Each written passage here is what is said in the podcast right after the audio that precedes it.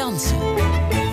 Ja, uh, we hebben een nieuwe columnist, Susanna Jansen. Welkom. Uh, Dank je. Ja, heel veel luisteraars zullen jou kennen van je boeken Pauperparadijs. Over hoe jouw voorouders terechtkwamen in het uh, heropvoedingsexperiment in Veenhuizen. Uh, maar je hebt over heel veel onderwerpen geschreven. Dus, dus ook, net zoals net al ter sprake kwam, ook uh, ben je correspondent geweest in Rusland.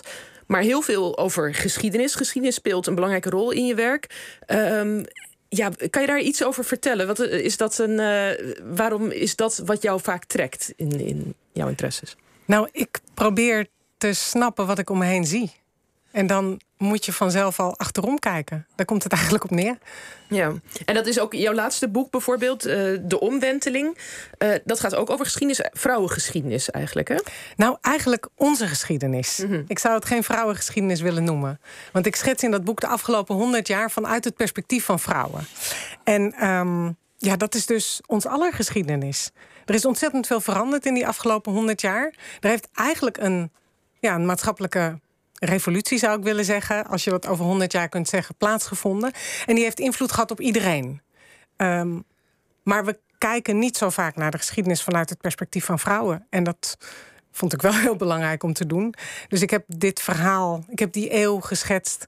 Um, vanuit mijn moeder, die geboren is in 1922. Het jaar waarin uh, de eerste parlementsverkiezingen waren... waaraan ook vrouwen mochten meedoen.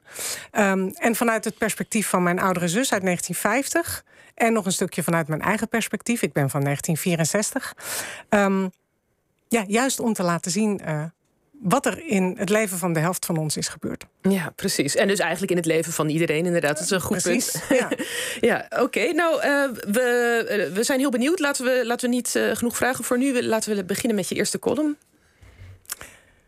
Ik zag onderwerpen genoeg om het over te hebben in mijn eerste column. Maar mijn gedachten bleven deze week haken achter het rapport van de parlementaire enquête over fraudebeleid. Bij het woord mens, om precies te zijn. De overheid moet de mens centraal stellen concludeerde de commissie. Ze moet haar menselijke gezicht tonen. Ja, zeg natuurlijk, riep ik tegen mijn scherm. Maar toen vroeg ik me af wat dat eigenlijk is, een menselijke overheid. In de 19e eeuw waren daar heldere ideeën over.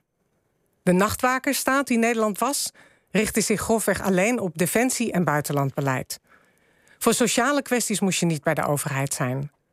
Armoedebestrijding of inkomensondersteuning in onze taal vergde namelijk een menselijke aanpak. En zoiets konden ambtenaren niet. Daarvoor moest je bij de kerken zijn. En bij de liefdadigheidsorganisaties, waarmee de hogere klasse haar goede tierendheid kon tonen. De heren gingen over het geld, de dames gingen bij de armen op bezoek. Want voor echte menselijkheid had je natuurlijk vrouwen nodig. In de jaren 30 van de afgelopen eeuw kon de staat niet langer afzijdig blijven. Er waren in die crisisjaren te veel werklozen om niets te doen. Voor het eerst gaf de overheid financiële steun. In het dossier van mijn grootouders lees ik hoe afhankelijk zij waren van het oordeel van de uitkeringsbeambte. Mijn opa wordt een deugniet genoemd, die erop uit is zijn vrouw het leven zuur te maken. Mijn oma heet een zuinige, heldere huisvrouw. Ze was zo bang de steun te verliezen dat ze haar eigen man aangaf toen hij had gewerkt voor een zak aardappels. Na de oorlog werd de verzorgingsstaat opgebouwd. Een uitkering bij werkloosheid, ziekte of ouderdom werd nu een recht. Vooruitgang? Tuurlijk. Maar vervolgens raakten mijn grootouders verstrikt in de wirwar van regels.